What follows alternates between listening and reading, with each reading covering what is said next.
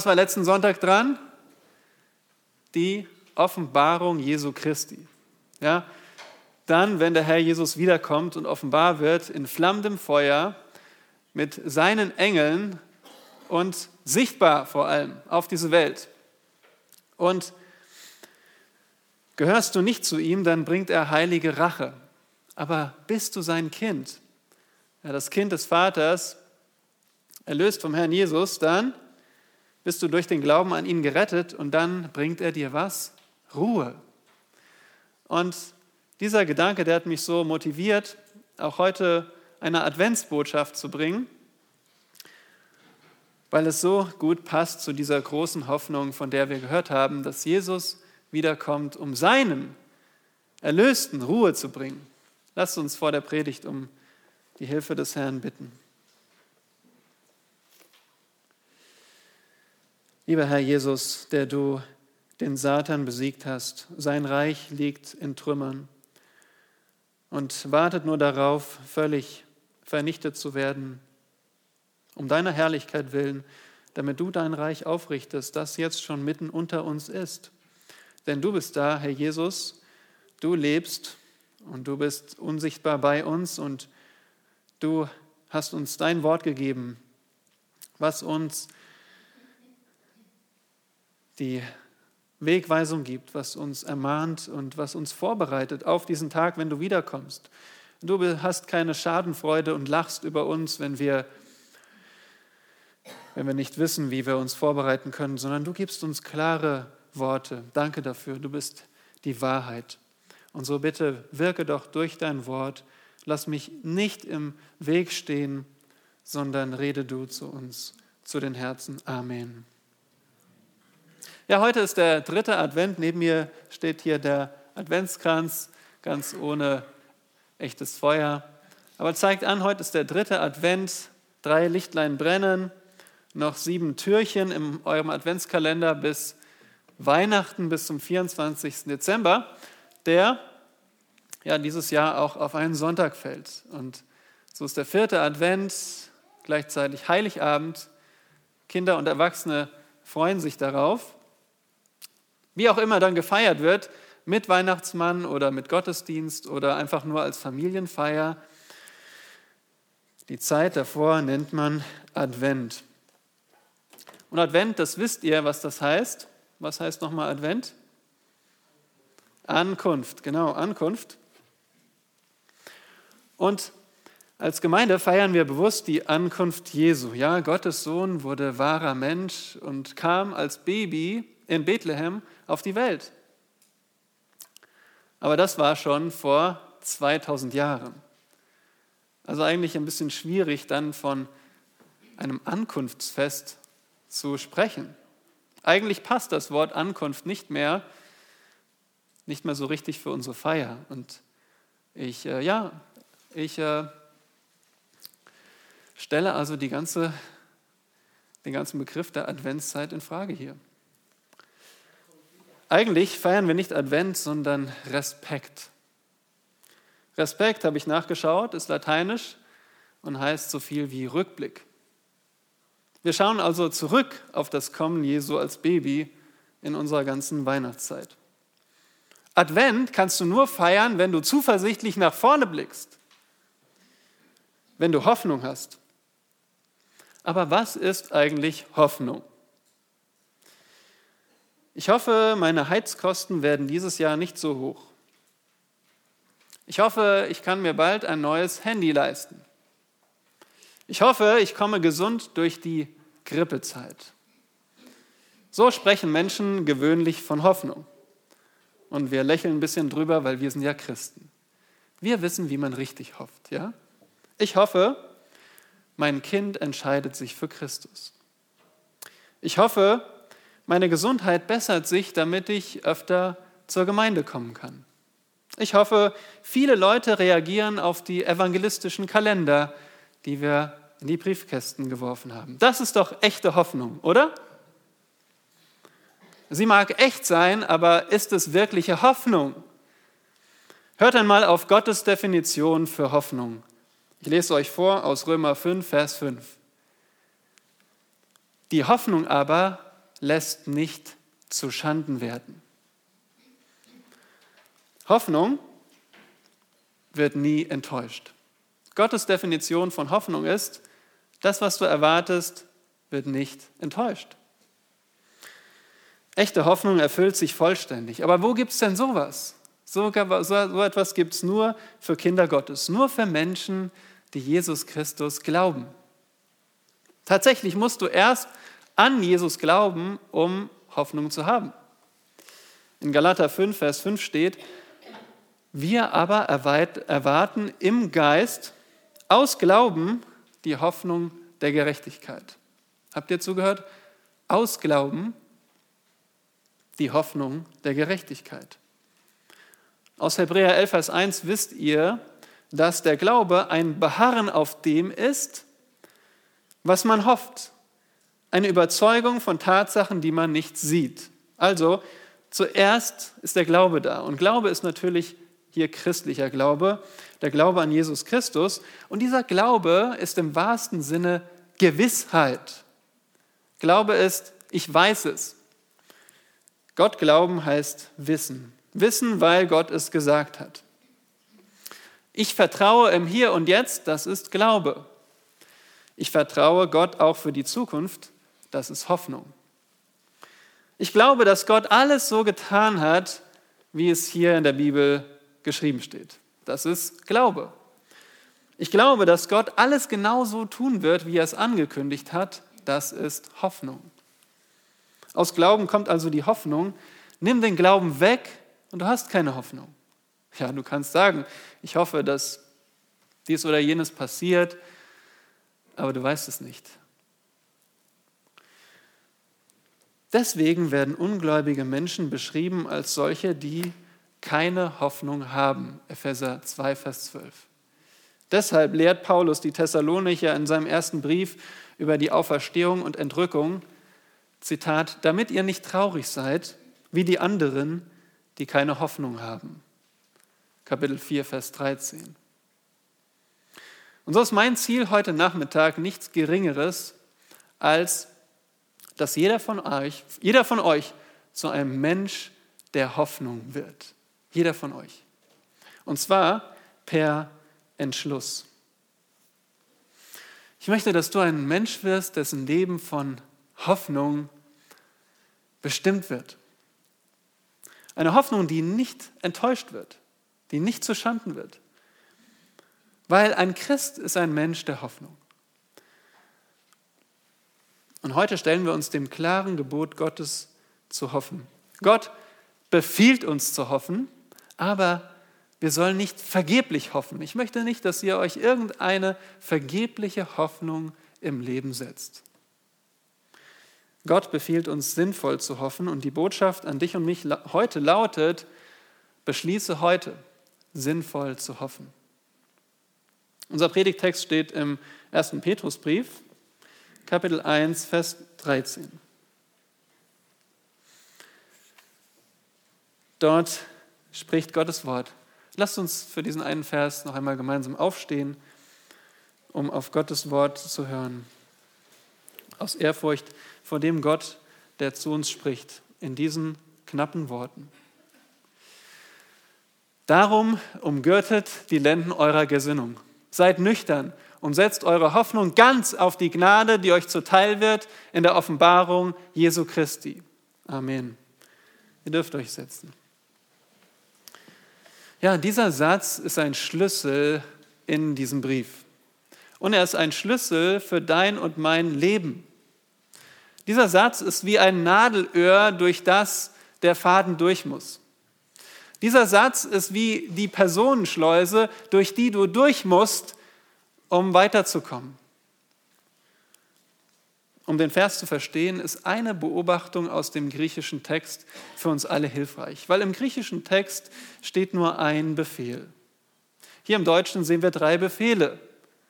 Umgürtet die Lenden eurer Gesinnung, seid nüchtern und setzt eure Hoffnung. Im Griechischen gibt es nur einen Befehl, was uns zeigt, dass es einen Hauptbefehl gibt und alles andere ist untergeordnet. Ein Hauptbefehl. Und dieser Hauptbefehl, ihr dürft raten, welcher das ist, setzt eure Hoffnung. Das ist der einzige Befehl, der wirklich ein Befehl ist in diesem Text. Und setzt deine Hoffnung ist also ein Befehl. Hoffnung, können wir daraus schließen, ist also kein Gefühl. Hoffnung ist keine Stimmung. Hoffnungsvolle Stimmung ist nicht so. Hoffnung ist ein Befehl, weil es ein Akt des Willens ist. Hoffen bedeutet, ich will das und ich entschließe mich dazu. Hoffnung ist alles auf eine Karte setzen und das Leben ist sozusagen festgelegt. So wird dein Leben verlaufen und, und nicht anders. Das ist Hoffnung. Du setzt dein Leben schon vorher fest, wie es sein wird. Du entschließt dich, so zu erwarten und darauf alles aufzubauen. Ja, wie kommen wir zu diesem Entschluss, sinnvoll zu hoffen? Ich möchte uns da hinführen und stellen wir uns dafür drei Fragen, drei Fragen an den Text. Die erste Frage lautet, warum? Warum eigentlich sinnvoll hoffen? Und Petrus macht es uns einfach. Bitte nehmt eure Bibel und schaut mit mir das erste Wort an. Und da seht ihr das Wort darum. Darum. Warum sollen wir hoffen? Darum. Und das Darum bezieht sich auf alles, was vorher gesagt wird. Alles, was vorher kommt, führt Petrus zu dem Darum. Also müssen wir alles, was vorher kommt, verstehen. Denn das zeigt uns die Voraussetzung, um überhaupt hoffen zu können. Sonst trage ich euch jetzt was auf, was ihr nicht tun könnt. Ihr müsst das Warum verstehen. Und hier geht es nicht so sehr darum, was du getan hast oder was du nicht getan hast, sondern wer du bist. Als ich mit meinem Sohn zuletzt nach England flog, da gab es solche Passkontrollen. Und diese Passkontrollen sind ja mittlerweile auch schon automatisiert. Man braucht nicht mehr unbedingt einer menschlichen Person gegenübertreten, sondern es gibt diese Schleusen. Da gehen die Türen auf und dann gehst du rein und dann gibt es da einen kleinen Bildschirm, da legst du deinen Pass drauf und dann wird der gescannt. Und dann fährt er seine Kamera hoch mit Leuchten und schaut, musst du anschauen. Und dann vergleicht diese Kamera eben, und auch der Computer vergleicht die Daten, die da auf dem Pass sind, mit deinem Gesicht, wer du bist. Und diese ersten zwölf Verse sind genau das.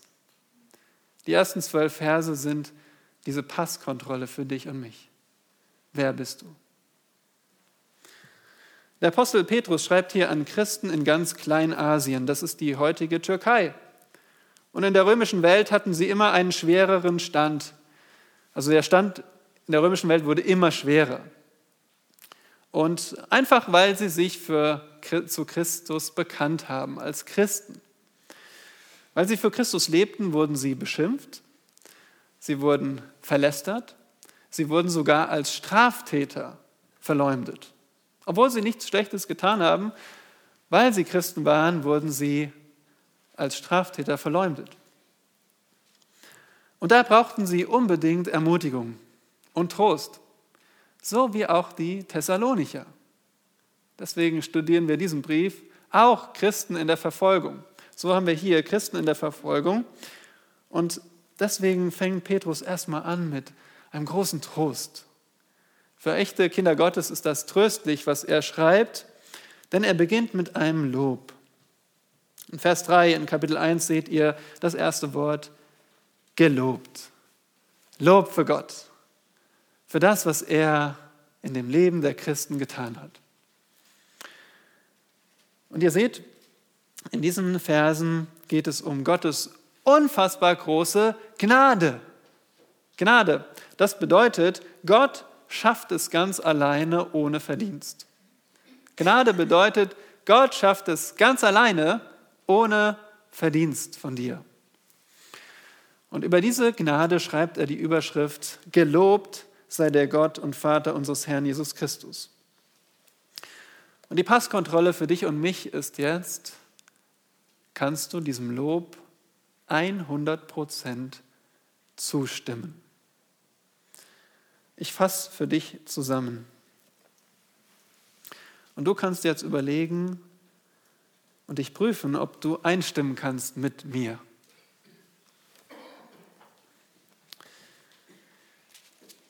1. Petrus 1, Verse 3 bis 12 in meinen eigenen Worten. Ja, ich lobe dich, mein Gott und Vater im Himmel. Meine Hoffnung lebt, weil Jesus Christus auferstanden ist. Jesus hat mir ewiges Leben teuer erkauft. Ich weiß, dass ich im Himmel ankomme, weil Gott meinen Glauben bewahrt. In der sündigen Welt bin ich traurig. Aber meine größte Freude kommt noch. Dann, wenn Jesus wiederkommt. Ich liebe meinen Herrn Jesus, weil er meine Seele von aller Schuld befreit hat und weil er ganz sicher auch meinen Körper von der Sünde befreien wird. Ich liebe die ganze Bibel, weil schon das Alte Testament mein Retter Jesus genau vorhergesagt hat. Und vor allem danke ich meinem Vater im Himmel für die wunderbare Botschaft, die frohe Botschaft von Jesus, der sie mir, zu mir armen Sünder gesandt hat. Ich kenne nichts Größeres auf Erden als das Evangelium von Jesus Christus.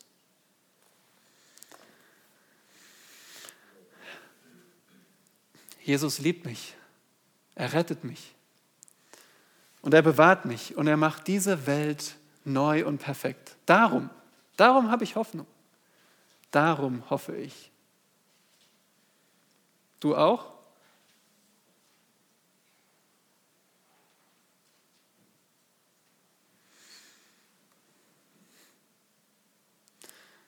Nach dem Warum hoffen zeigt der Apostel Petrus uns auch das Wie. Also ich habe jetzt verstanden, warum ich Hoffnung habe, weil es Gott gibt, weil es seinen Sohn Jesus gibt. Aber wie? Wie kann ich diese Hoffnung haben? Wie kann ich jetzt diesem Befehl nachkommen? Nun, der Hauptbefehl an uns ist, das wisst ihr noch, der Hauptbefehl ist, setz deine Hoffnung. Aber davor gibt Petrus zwei Bedingungen in unserem Vers. Die wollen wir gemeinsam untersuchen. Und zwar gibt es hier zwei Gebote und es ist auch nicht falsch von der Schlachterübersetzung, diese als Gebote zu formulieren, weil das ist etwas, was du und ich, was wir tun müssen und was wir unbedingt tun müssen, um unsere Hoffnung auf Jesus zu setzen. Also, lasst uns uns diese zwei Gebote anschauen die uns erklären, wie wir unsere Hoffnung richtig setzen. Und das erste Gebot lautet, umgürtet die Lenden eurer Gesinnung. In anderen Worten, du musst dich um dein Denken kümmern. Und Petrus sagt es in einem Bild. Und das Bild kommt aus der damaligen antiken Welt. Damals trug man lange Gewänder. Habt ihr bestimmt schon in Filmen oder auf Bildern gesehen, lange Gewänder, also nicht nur so Hose und T-Shirt, sondern langes Gewand. Und wenn man es bequem haben wollte, dann hat man diese Gewänder einfach locker gelassen. Ja, dann konnte man, hatte man nichts, was einen einengt und man konnte sich hinsetzen, hinlegen, ausruhen. Dann hat man einfach das Gewand locker gelassen. Aber fürs Arbeiten und fürs Kämpfen vor allem musste man dieses lange Gewand irgendwie unter Kontrolle bringen, denn du willst ja aktiv sein. Und für Aktiv, Aktivität brauchst du Beinfreiheit. Fürs Aktivsein brauchst du einfach eine engere Kleidung. Und wie geht das? Nun, ich will es euch jetzt nicht vormachen, ich habe kein langes Gewand, aber du hast auf jeden Fall diese Enden, hast du gegriffen, vielleicht einmal durch die Beine durch, um, den, äh, um die Hüfte herum und dann festgegürtet. Du brauchst also einen Gürtel und dann hast du das festgemacht. Und genau das sagt Petrus hier, umgürtet die Lenden. Aber nicht, er sagt nicht, wie sie sich anziehen sollen, sondern er gebraucht es als Bild für das Denken. Genauso kannst du nicht einfach deine Gedanken locker lassen, sondern sie müssen festgegürtet sein. Deine Gedanken müssen festgezurrt sein. Und was drückt dieses Bild aus? Ein Wort. Bereitschaft. Wer seine Lenden umgürtet hat, der war bereit. Bereit zum Tun. Aber was heißt das eigentlich konkret jetzt, sein Denken zu hochzukrempeln, würden wir sagen, festzuzurren? Was heißt es konkret? Nun schaut in den nächsten, die nächsten Worte an. Umgürtet die Lenden eurer Gesinnung, erstens. Zweitens, seid nüchtern. Was bedeutet nüchtern? Nun, was ist das Gegenteil von nüchtern? Unnüchtern. Oder anders gesagt, hier geht es darum, nicht betäubt, nicht unempfindlich. Ja, Alkohol zum Beispiel betäubt, aber Petrus geht es um mehr als nur, dass du dich jetzt nicht besäufst. Ihm geht es um dein Denken, dass du nicht betäubt bist. Schaut mal in Kapitel 5, Vers 8. So ist es immer so gut, selbst bei so einem Vers, wo so viel drinsteckt, dass wir uns den Zusammenhang anschauen, dass wir Petrus äh, den ganzen Brief lesen. Schaut mal in Kapitel 5, Vers 8, gebraucht er nochmal diesen Befehl, seid nüchtern. Was sagt er da? Seid nüchtern und wer hat eine Bibel? Wacht. Seid nüchtern und wacht. Das heißt, nüchtern sein bedeutet wach zu sein, wachsam zu sein. Jemand, der nüchtern ist, der ist wachsam.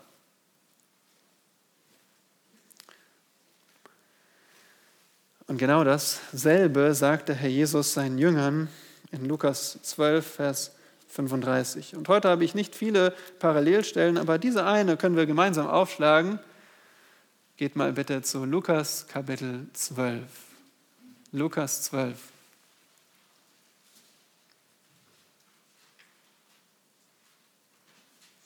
Vers 35 bis 36. Jesus spricht hier zu seinen Jüngern und er sagt, eure Lenden sollen umgürtet sein und eure Lichter brennen. Und seid Menschen gleich, die ihren Herrn erwarten wenn er von der Hochzeit aufbrechen wird, damit, wenn er kommt und anklopft, sie ihm sogleich auftun. Hier vergleicht uns Jesus mit Knechten. In dem Zusammenhang geht es um Knechte und diese Knechte, die waren zu Hause und der Herr war unterwegs. Der Herr war eingeladen auf einer Hochzeit. Und sie wussten nicht, wann kommt er von der Hochzeit zurück. Nun, als gute Knechte haben sie ihr Gewand nicht locker gelassen. Sie haben sich nicht auf die Couch gelegt und gesagt, ah, wir können ja noch schnell genug uns bereit machen. Nein, sie waren immer umgürtet. Sie hatten immer ihren Gürtel an, ihr Gewand hochgebunden, sodass sie sofort loslaufen konnten, sofort dienen konnten, sofort den Willen ihres Meisters tun konnten. Er sagt, so sollt ihr sein, weil euer Herr kommt auch wieder. Der nüchterne Knecht hält die Brennstofflampe am Leuchten und behält die Arbeitskleidung an, um sofort zum Dienst bereit zu sein. So denkt jemand, der sich auf den Herrn konzentriert und wachsam ist. Und so müssen wir sein, um sinnvoll zu hoffen. Und jetzt verstehst du auch, warum ich sage, sinnvoll, sinnvolle Adventshoffnung. Oder warum sinnvoll hoffen? Und wir sind übrigens hier schon beim Wie. Wie sinnvoll hoffen? Weil äh, zum einen können wir sagen, sinnvoll, das ist, na, es ist, ergibt Sinn, deswegen ist es sinnvoll. Aber eine weitere Bedeutung ist, nicht nur es ergibt Sinn, sondern du musst es mit dem Sinn tun. Du musst mit der Gesinnung hoffen. Wisst ihr, Hoffnung kommt nicht einfach dadurch, dass wir sagen, ja, ich bin Christ und deswegen habe ich ja eine Hoffnung, aber du denkst nie daran. Dann hoffst du nicht. Du hast Hoffnung, wenn es wirklich durch deine Gedanken geht. Wenn es dich im Alltag beschäftigt. Sonst hast du keine Hoffnung in deinem Leben. Aber vielleicht ist dir das nicht konkret genug. Du meinst, das ist nicht praktisch genug. Was bedeutet Hoffnung denn praktisch? Ich will was tun. Hier, gib mir eine Checkliste. Gerne, kein Problem. Lies 1. Petrus ab Vers 14. Kapitel 1, Vers 14. Ich fasse für dich zusammen. Was heißt für dich Hoffnung praktisch? Erstens, lass sein, wovon du früher als Ungläubiger abhängig warst. Zweitens, tu nur das, was Gott gefällt. Drittens, opfere dich auf für deine Geschwister, die dir nicht sympathisch sind. Viertens, lies und studiere so viel in der Bibel, dass andere sagen, du bist süchtig danach. Fünftens, Nimm deine Mitgliedschaft in deiner eigenen Gemeinde so ernst wie möglich. Sechstens, ehre unsere Regierung und halte dich an alle gesetzlichen Vorgaben. Siebtens, respektiere deinen Chef und erfülle bereitwillig deine Aufgaben, egal ob dein Chef böswillig ist oder nicht. Ordne dich deinem Ehemann unter, selbst wenn er nicht glaubt. Sei so oft wie möglich zu Hause bei deiner Ehefrau und diene ihr, selbst wenn sie nicht gläubig ist. Beantworte jeden Angriff mit Freundlichkeit. Begrüße jede Gelegenheit, von deinem Glauben weiterzusagen. Lade Gäste ein, ohne zu murren. Diene in deiner Gemeinde mit deiner Gnadengabe. Gib dich deinem Ältestendienst, muss dich anschauen, gib dich deinem Ältestendienst hin und zwar voll und ganz. Ordne dich deinen Ältesten unter im Vertrauen auf Gott. Wirf deine Sorgen auf den Herrn und lass sie dort. Widersteh dem Teufel. War das praktisch genug? Okay, weil genau das bedeutet Hoffnung praktisch. Das ist, wenn du durch, durch diese Schleuse durchgegangen bist, wenn der Faden durch das Nadelöhr durchgeht, dass du nämlich im Denken, in deiner Gesinnung Hoffnung hast, dann ist das die praktische Konsequenz. Wenn du aber in diesen praktischen Geboten nicht vorankommst, wenn du merkst, ich komme da nicht weiter, dann ist die Lösung nicht, ich muss es härter probieren, sondern du musst dein Denken umgürten. Wenn Gott dich wiedergeboren hat, dann ist der erste Schritt, dein Denken zu bündeln, zu konzentrieren, zu fokussieren auf eins und nur eins. Und jetzt gebe ich euch die eine Hoffnung, die ein wahrer Christ hat. Nur eine. Du brauchst dich gar nicht auf vier, fünf, sechs, sieben, acht konzentrieren. Es gibt nur eins. So einfach. Ihr müsst nur eins auf eins euch konzentrieren im Denken. Und genauso ich. Nur eins, okay? Und jetzt kommen wir drittens zu der Frage, worauf soll ich sinnvoll hoffen? Petrus nennt uns jetzt das eine, worauf wir unsere Hoffnung setzen sollen. Er sagt hier im Text, setzt eure Hoffnung ganz auf die Gnade. Beobachtet erstmal mit mir, dass Petrus sagt, setzt eure Hoffnung ganz. Damit meint er 100 Prozent. Damit meint er, es gibt nur eins, worauf wir hoffen. Vollständig. Und damit ist alles halbherzige Hoffen ausgeschlossen. Du kannst also diesen Befehl nicht erfüllen, wenn du etwas zurückhältst, wenn du denkst, naja, ich, ich kann nicht alles geben. Stell dir vor, sagen wir mal, in einer Woche wird der Euro ungültig, gibt eine neue Währung. Und jeder, der jetzt ähm, danach noch Geld haben will, muss es vorher umtauschen. Wie viel würdest du umtauschen? Alles? Oder wäre es nicht vielleicht klug, sagen wir mal, 20 Prozent zurückzuhalten, für den Fall, dass irgendwas schief geht? Ich gebe euch recht, in dieser Welt sollten wir nicht allem trauen. Da wäre es gut, was zurückzuhalten. Aber wenn der lebendige Gott zu uns spricht und sagt, das passiert, sollten wir dann nicht 100 Prozent umtauschen? Nun, was ist das eine, worauf wir hoffen? Nicht, dass unsere Kinder gläubig werden. Nicht, dass die Gemeinde wächst. Nicht, dass wir einen Ehepartner finden. Nicht, dass uns üble Verfolgung erspart wird. Was ist das eine? Petrus sagt es uns. Die einzig sinnvolle Hoffnung, die einzig sinnvolle Hoffnung ist die Gnade, die euch zuteil wird bei der Offenbarung Jesu Christi. Und du fragst, wann? Wann ist die Offenbarung Jesu Christi? Nun erinnere dich an letzten Sonntag, als Dieter uns in 2. Thessalonicher 1, Vers 7 zeigte, wie Jesus Christus vom Himmel herabkommt in flammender Herrlichkeit mit den Engeln seiner Macht. Und zwar sichtbar. Jetzt ist er für uns unsichtbar, dann wird seine Herrlichkeit enthüllt. Aber wann ist das? Nun, da ist es wieder gut, wenn wir den ganzen Brief lesen. Schaut mal in Kapitel 1, Vers 6. Kapitel 1, Vers 6 in 1. Petrus. Er sagt uns, dann werdet ihr euch jubelnd freuen, die ihr jetzt eine kurze Zeit, wenn es sein muss, traurig seid in mancherlei Anfechtungen. Er sagt, jetzt traurig. Wer kann sich damit identifizieren?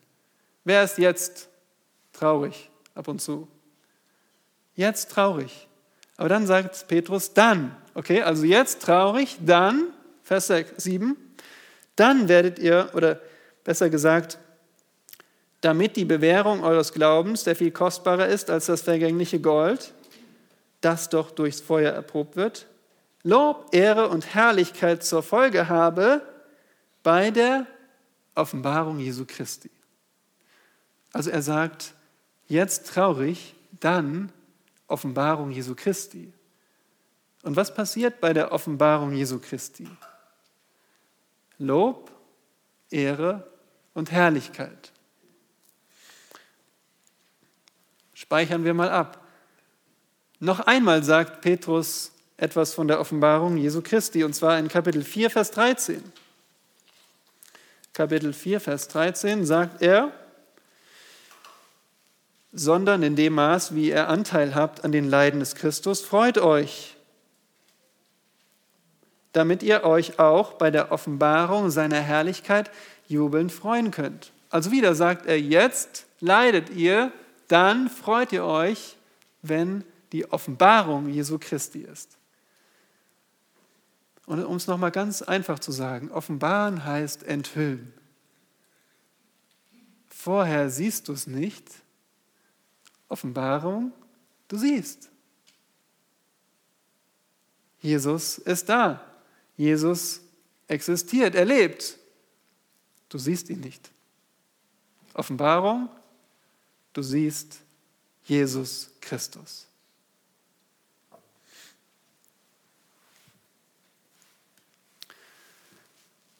Wann wird die Offenbarung Jesu Christi sein? Dann, wenn wir ihn sehen, wie er ist. Wir werden ihn sehen, wann? Wenn er seine Gemeinde zu sich holt. Bei der Auferstehung und Entrückung. Das kommt gewiss. Glaubst du das? Glaubst du, dass das gewiss kommt? Und wann kommt das nochmal? Nun, Paulus, Petrus, haben vor 2000 oder 1900 Jahren gelebt. Haben sie gesagt, ihr Lieben, ja, es kommt eine Entrückung, aber erst in 2000 Jahren. Also bereitet euch lieber auf euren Tod vor.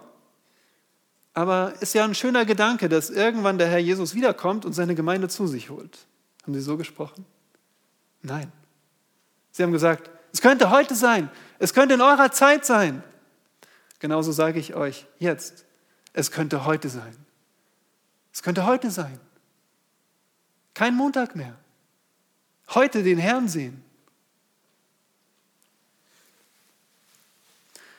Aber er sagt ja auch, Petrus sagt nicht nur, setzt eure Hoffnung darauf, dass ihr Jesus seht, sondern er sagt was ganz Wichtiges in unserem Vers. Er sagt, setzt eure Hoffnung ganz auf die Gnade. Gnade bedeutet, Gott schafft es ganz allein ohne deinen Verdienst. Und ich habe euch gezeigt in den Versen 3 bis 12, was die Gnade getan hat. Die Gnade hat dich wiedergeboren zu einem neuen Menschen. Die Gnade hat für all deine Schuld und Sünden gesorgt. Und die Gnade gibt dir den Glauben und bewahrt den Glauben bis zu dem Heil, das geoffenbart wird. Das ist Gnade erlebt. Und er sagt jetzt, kommt noch Gnade. Wenn Jesus wiederkommt, wenn Jesus wiederkommt und du ihn siehst, dann erlebst du, empfängst du Gnade.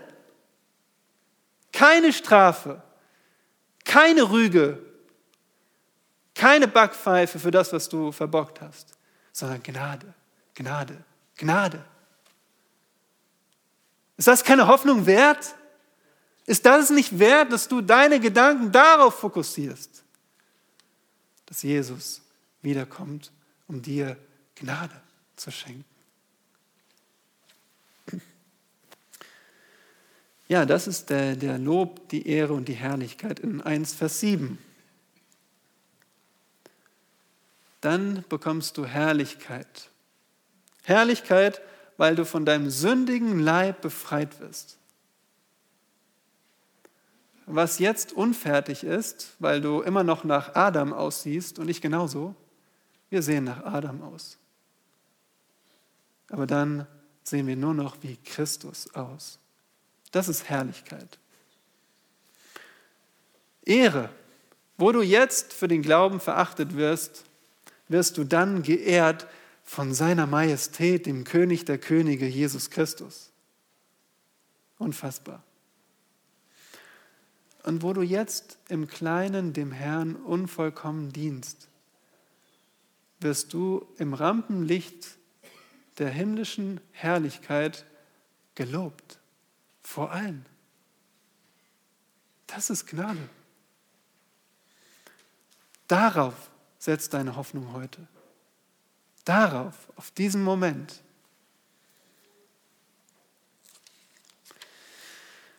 Stell dir vor, du bist im Zeltlager und es ist dauerhaft nass und kalt. Also ich hoffe, das ist jetzt etwas, was ihr wirklich, wo ihr sagt, mag ich nicht. Ich hoffe wirklich, weil sonst versteht ihr mein Bild nicht, okay? Also ihr seid im Zeltlager, es ist einfach nur kalt und nass, keine Heizung. Da gibt es ständig Regen und keine Änderung in Sicht. Es regnet in Strömen, der Boden ist längst aufgeweicht, Wiese ist mittlerweile ein Meer von Schlamm geworden. Das Essen ist eintönig und die Stimmung ist gereizt. Die Duschen sind meist kalt und voller Grasreste. Aktivitäten im Freien sind kaum möglich. Ja, am Anfang war es noch interessant, so ein Geländespiel bei Regen im Wald zu machen. Aber mittlerweile ist das kein Reiz mehr. Es ist einfach nur triester, triester Zeltlager-Alltag. Aber was dich motiviert ist, du wirst abgeholt. Du wirst abgeholt in den Urlaub in einem Luxushotel. Ein riesiges Ressort. Du weißt, da ist es warm, da ist es trocken, da ist es sauber. Da gibt es warme Duschen, weiche Betten, da gibt es zum Essen Buffet, Zimmerservice, Schwimmbad inklusive, Ruhe, Erholung und fröhliche Gemeinschaft.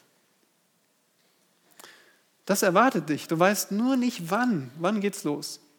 Und jetzt stell dir vor, das Auto fährt vor und du wirst abgeholt. Gäbe es für dich noch irgendeinen Konflikt? Bitte noch einen Tag. Vielleicht schmeckt die Tütensuppe morgen besser. Vielleicht hört morgen der Regen auf. Noch einen Tag. Vielleicht kann ich morgen hier noch mal warm duschen. Mich würde nichts im Lager halten. Was hält dich in dieser sündigen Welt? Was hält dich hier?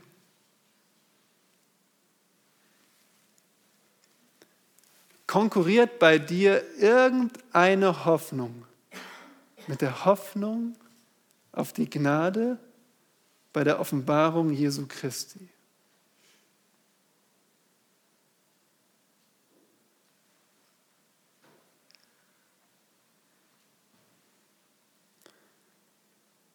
Du musst für dich heute den Entschluss treffen. Auf dem Gemeindeblatt, ich habe nicht mitgeschrieben, konnte ich nicht gleichzeitig machen, aber hier hast du den Entschluss. Beschließt du heute deine ganze Hoffnung auf die Gnade Jesu zu setzen bei seiner Wiederkunft? und nur in diesem Sinn entsprechend zu leben. Amen. Lass uns beten. Vater im Himmel, danke für dein Wort. Danke, dass es so einfach ist für uns Kinder Gottes. Dass du uns zu einer lebendigen Hoffnung wiedergeboren hast. Hilf uns, dementsprechend zu leben. Auch wenn wir jetzt es so klar sehen und, und auch fühlen, aber morgen ist wieder schwer. Heute Abend ist wieder schwer. Wir brauchen deinen Geist. Wir können nicht ohne dich. Wir brauchen dich. Aber du bist da durch dein Wort. Wir können es immer wieder uns vergewissern, dass es so ist, dass du deinen Sohn sendest, um uns zu dir zu holen. Und dass bei seiner Ankunft nicht der Tadel wartet, nicht die Rüge, nicht die Strafe, nicht das Fegefeuer, nicht die Peitschenhiebe, nichts von dem. Weil dann wäre dein Sohn Jesus nicht vollkommen dann hätte er nicht all meine Sünde getragen. Dann hätte er mich nicht retten können. Ich glaube dir, Vater. Und ich glaube, dass du jeden hier retten kannst, der noch unerlöst ist. Bitte sende deinen Geist. Bitte öffne die Augen für die Gnade, dass wir durch Gnade mit dir versöhnt werden können heute. Ach, hilf uns, dass wir würdig das Mahl feiern aus Gnade sind wir errettet. Und das nicht aus uns. Gottes Gabe ist es, nicht aus Werken, damit keiner von uns sich rühme. Amen.